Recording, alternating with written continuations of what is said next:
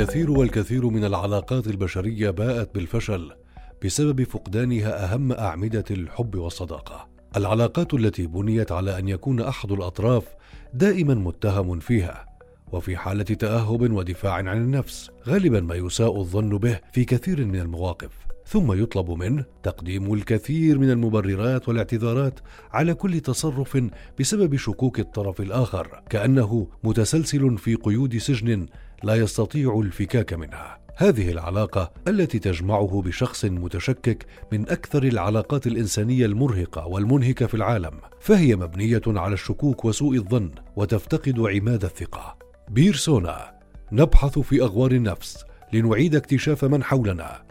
برؤية مختلفة.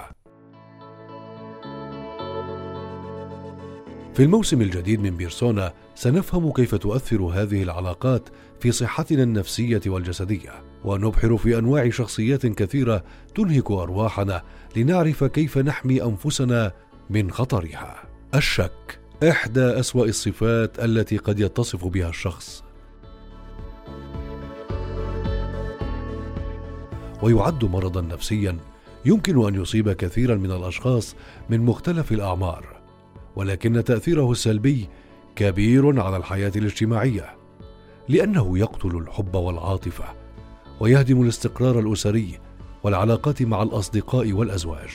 الشخص المتشكك يتدخل في تصرفاتك ونياتك يبررها كيفما يشاء يلقي اللوم عليك دون وجود دليل لاتهامك بل قد يصطنع الأدلة ضدك. غيور جدا. يركز بشدة على أخطائك التي بدرت منك. ويخزن كلماتك وأفعالك ليحاسبك عليها ولو بعد حين. ستجده حريصا جدا في طريقة كلامه وأفعاله. حتى لا تأخذ عليه شيئا ضده كما يفعل معك.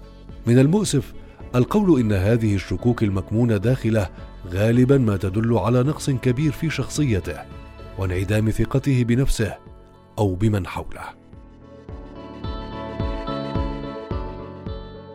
إن كنت على علاقة سطحية مع هذا الشخص المتشكك فعليك مراعاة أربع نقاط عند التعامل معه.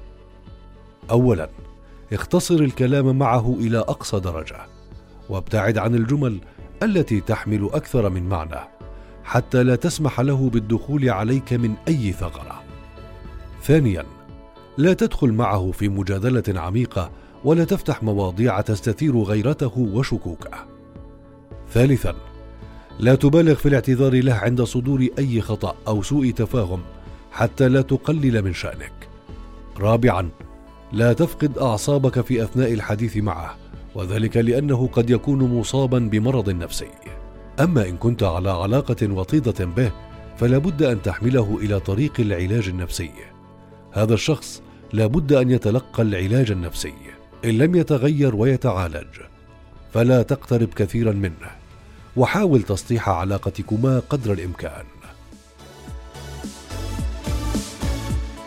شاركنا ارائك وتعليقاتك ولا تفوت حلقتنا القادمة من بودكاست بيرسونا بزاوية أخرى.